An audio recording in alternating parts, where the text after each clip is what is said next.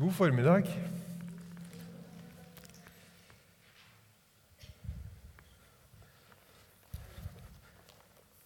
var fint å ha med John Edvard i dag, altså.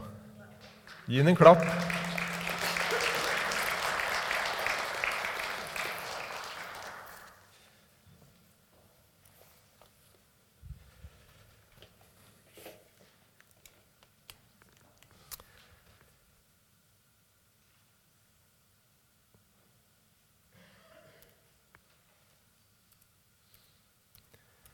Skal prøve å få opp noen bilder på, på veggen, så er det lettere å følge med. Skal vi se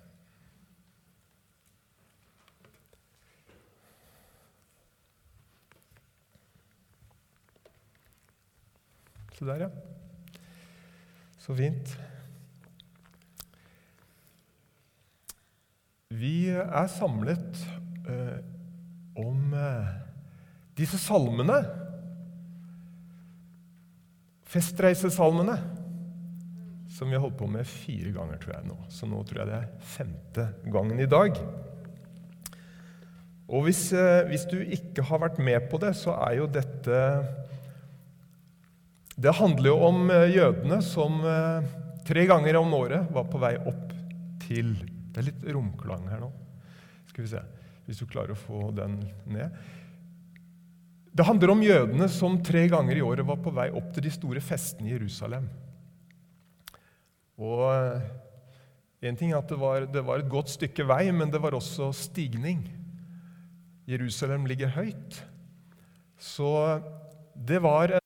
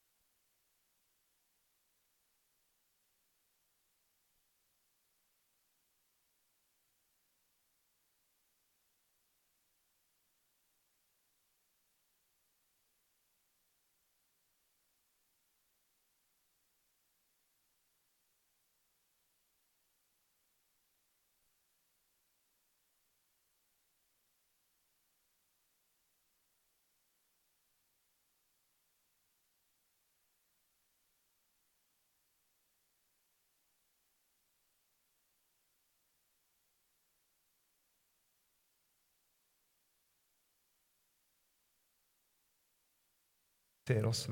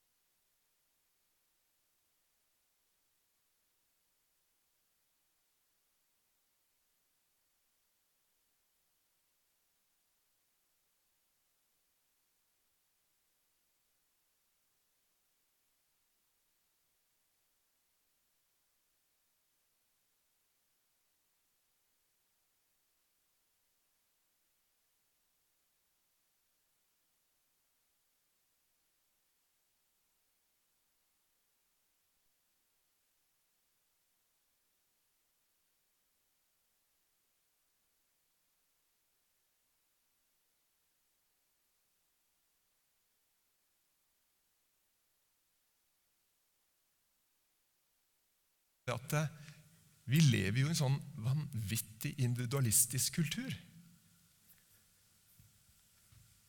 Jeg og meg. Og eh, Harald Eia skulle jo finne ut hva som var typisk norsk. Det har dere kanskje sett på TV. Hva er typisk norsk? Er det som Gro sier, at det er typisk norsk å være god? Eller er det, er det dette med janteloven? Er det dette å gå tur i skog og mark? Han hadde jobba mye med deg, men det han fant ut, er at typisk norsk det er å være uavhengig. Det er det største kjennetegnet vi har som nordmenn.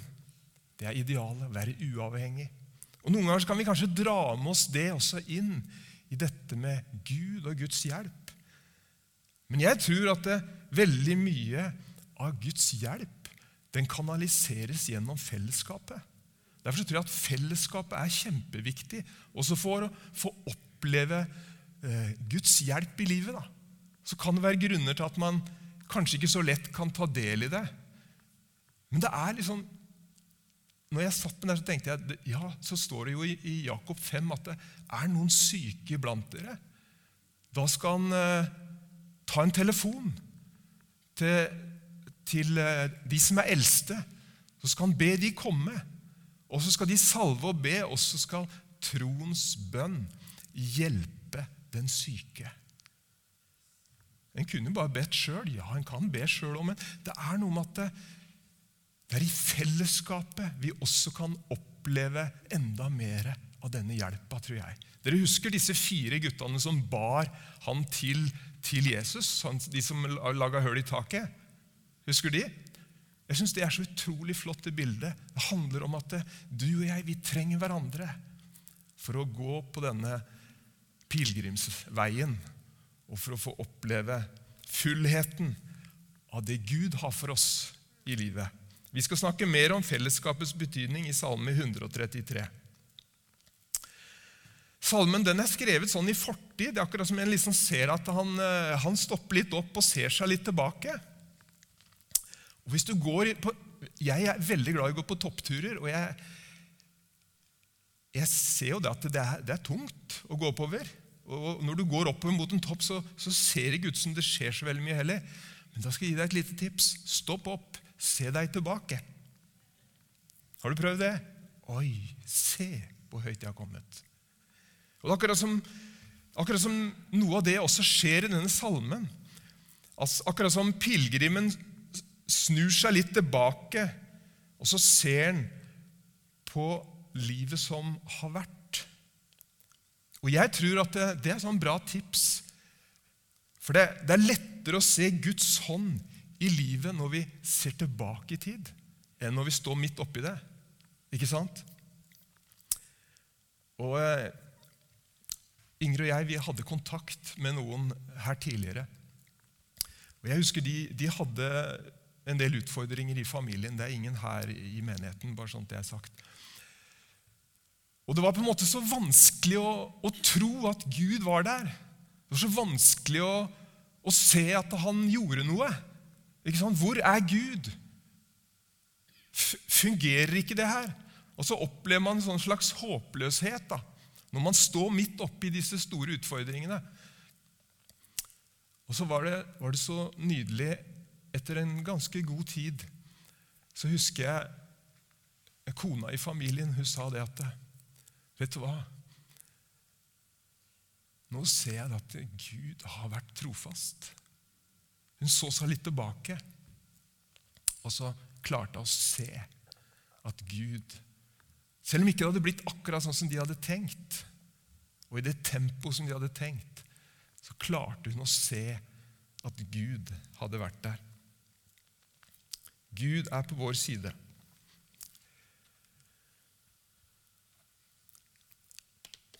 Neste punkt få øye på Gud i smerten.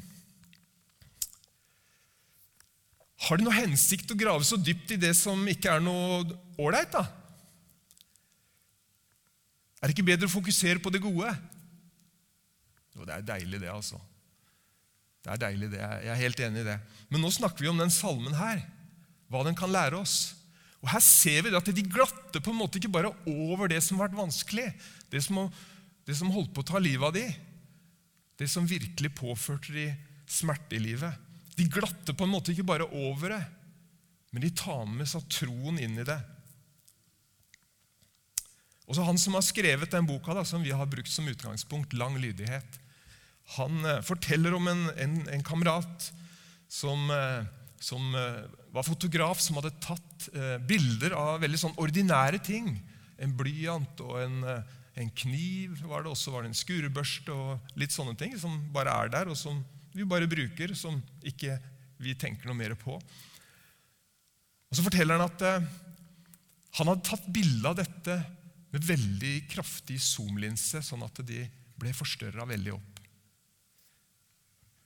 Og Da sier han at eh, når han så de bildene, så så han plutselig ting som han ellers ikke hadde sett.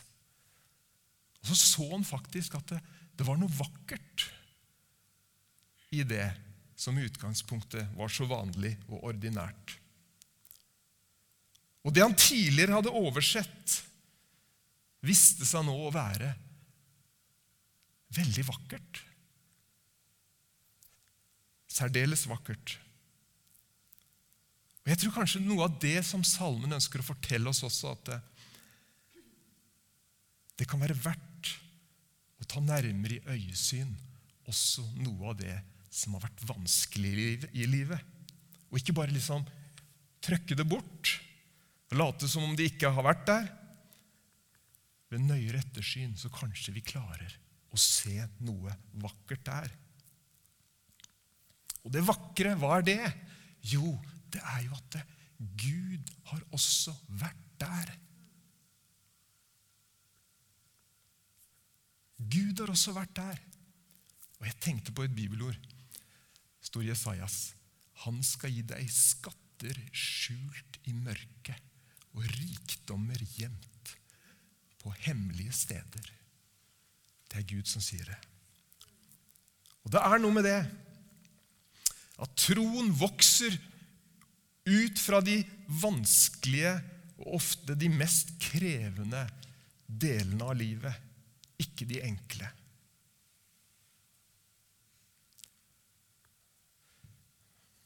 Jeg håper du henger med.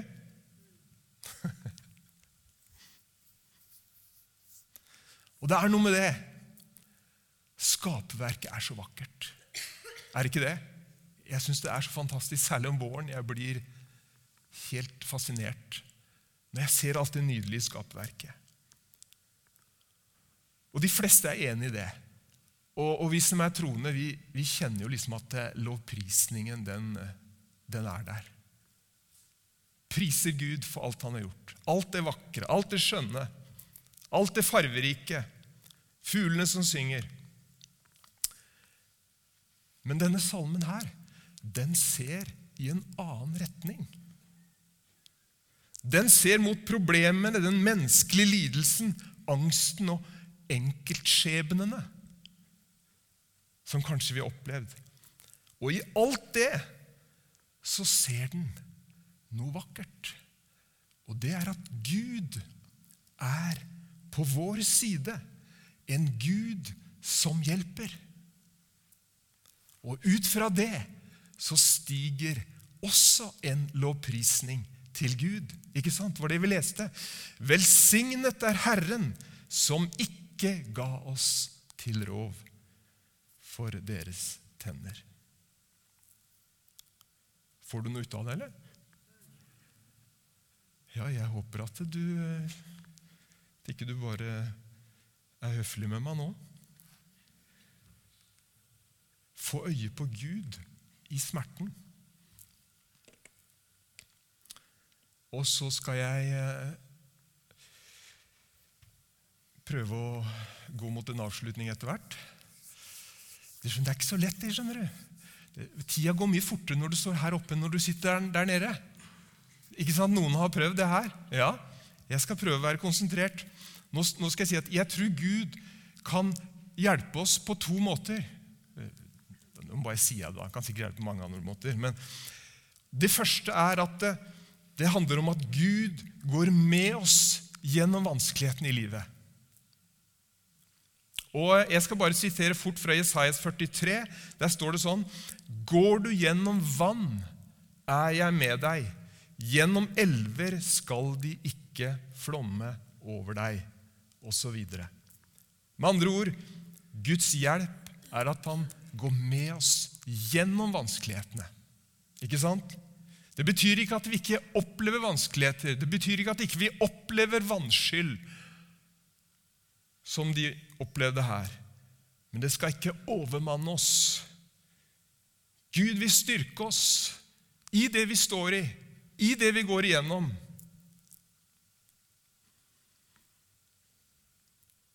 Og Det er, det er egentlig det løftet som, som eh, han har gitt oss i dåpen. For se, jeg er med dere alle dager inntil verdens ende. Og den andre måten, det er som jeg har kalt når Gud frir oss ut av vanskelige ting. Og Noen ganger så, så griper Gud overnaturlig inn i våre liv. Og eh, David, som har skrevet denne salmen, han har også skrevet salme 37. Og Der står det sånn Legg din vei i Herrens hånd. Stol på ham, så griper han inn. Noen ganger griper Gud overnaturlig inn i våre liv. Og det liker vi. Vi trenger det noen ganger. Og Bibelen er jo full av mange vitnesbyrd som handler om akkurat det. Og Når jeg leste den salmen, så ser jeg på slutten der hvor det står at eh, snaren er, snarere Snaren røk, og jeg slapp fri. I den uh, tidligere oversettelsen så står det litt uh, tydeligere, sånn som jeg gjerne vil ha det i dag. Og det er at snaren er revet i stykker, og, og vi har sluppet fri. Og ikke sant? En, en felle med en fugl inne, den fella går ikke i stykker av seg sjøl. Det er tydelig at det her er det en som har grepet inn, og så har han revet den fella i stykker. Og Det vitner om at eh, Guds hjelp den kan også komme ved at Gud griper inn i en situasjon som er helt håpløs. Og Det har jeg også opplevd, og det er nydelig å oppleve. Jeg skal avslutte med historien om eh, Daniels venner i ildovnen. Den har vi hørt på søndagsskolen, vi som har gått der. Den er jo så spennende. Og det var, For å si det sånn, for å holde til temaet lang lydighet, det var gutter som hadde levd i dette, altså med lang lydighet. De kunne gitt opp for lenge sida. Ikke sant? En lang historie kunne fortalt om det. De hadde holdt fast i bekjennelsen at Gud Hadde ikke Gud vært med oss, det var folk som hadde levd i lang lydighet. Um, dere husker historien, kanskje? Den er jo så fantastisk. De eh, nekta å bøye kne for, for, for Nebukadnesar med den prisen de da måtte betale. Og Så står de fram for denne mektige kongen, og som jeg leser bare, altså. Og så sier de til han, 'Vi behøver ikke svare deg på dette.' Om den Gud som vi dyrker, kan berge oss fra ovnen med flammende ild og fra din hånd, konge, så vil han berge oss. Og om han ikke gjør det, skal du vite, konge, at vi likevel ikke vil dyrke din Gud og ikke tilbe gullstatuen din. Tenk på det. Tenk på det. For det første så har jeg lyst til å si at det, er en sånn utrolig flott holdning som disse guttene har. For det er noen ganger vi blir sånn at Gud, du må gjøre det på den måten. Du må hjelpe meg på den måten, Gud. Bare på den måten der. Men disse gutta her, det er klart, de, vil, de hadde nok lyst til å leve, de òg. Men, og de kunne sagt det Ja, hvis Gud berger oss, så skal vi så skal vi tro på Gud. Men hvis ikke, så ja. Men de sa ikke det. Uansett hva som skjer, så vil vi tro på Gud. Så vil vi ikke bøye kne for deg. Og jeg tror den holdningen der, den er så viktig. Den er så viktig. Og holdt på å si fienden blir rasende når han hører det her. Ikke sant? Den er god. Og så er det én ting til som var så nydelig her. Ikke sant? Hadde ikke Herren vært med oss? Jeg snakker om å, om å se etter Gud i smerten, i vanskelighetene. Husker du hva, hva han sier, han Nebukaneser? Han sier, 'Men jeg ser fire menn gå omkring i ilden.' Og det finnes ikke skade på dem. Den fjerde ser ut som en gudesønn. Er ikke det fantastisk? Jeg blir, så, jeg blir utrolig berørt av sånt. Jeg. Midt i denne umulige, håpløse situasjonen så blir Gud synlig. Ikke bare for dem. De oppdaga at Gud var der. Men til og med Nebukadnesar ser at det er en fjerdemann der inne. Det er en gudesønn. Og så får du lese resten av historien når du kommer hjem. Men det handler om at eh, vi kan se Gud ikke bare på de lyse, fine dagene, men vi må også ta med troen inn når livet er utfordrende og vanskelig. Og Vi må se etter Gud også i det problematiske, for han er der. Han vil bære oss, han vil gå med oss, og han er også mektig til å løse oss ut. Også til slutt Nå skal jeg lese en fin setning for deg. Den majestetiske, skapende Gud, han som maktet å skape et univers med orden og skjønnhet. Han er den samme Gud som involverer seg i dine og mine personlige problemer.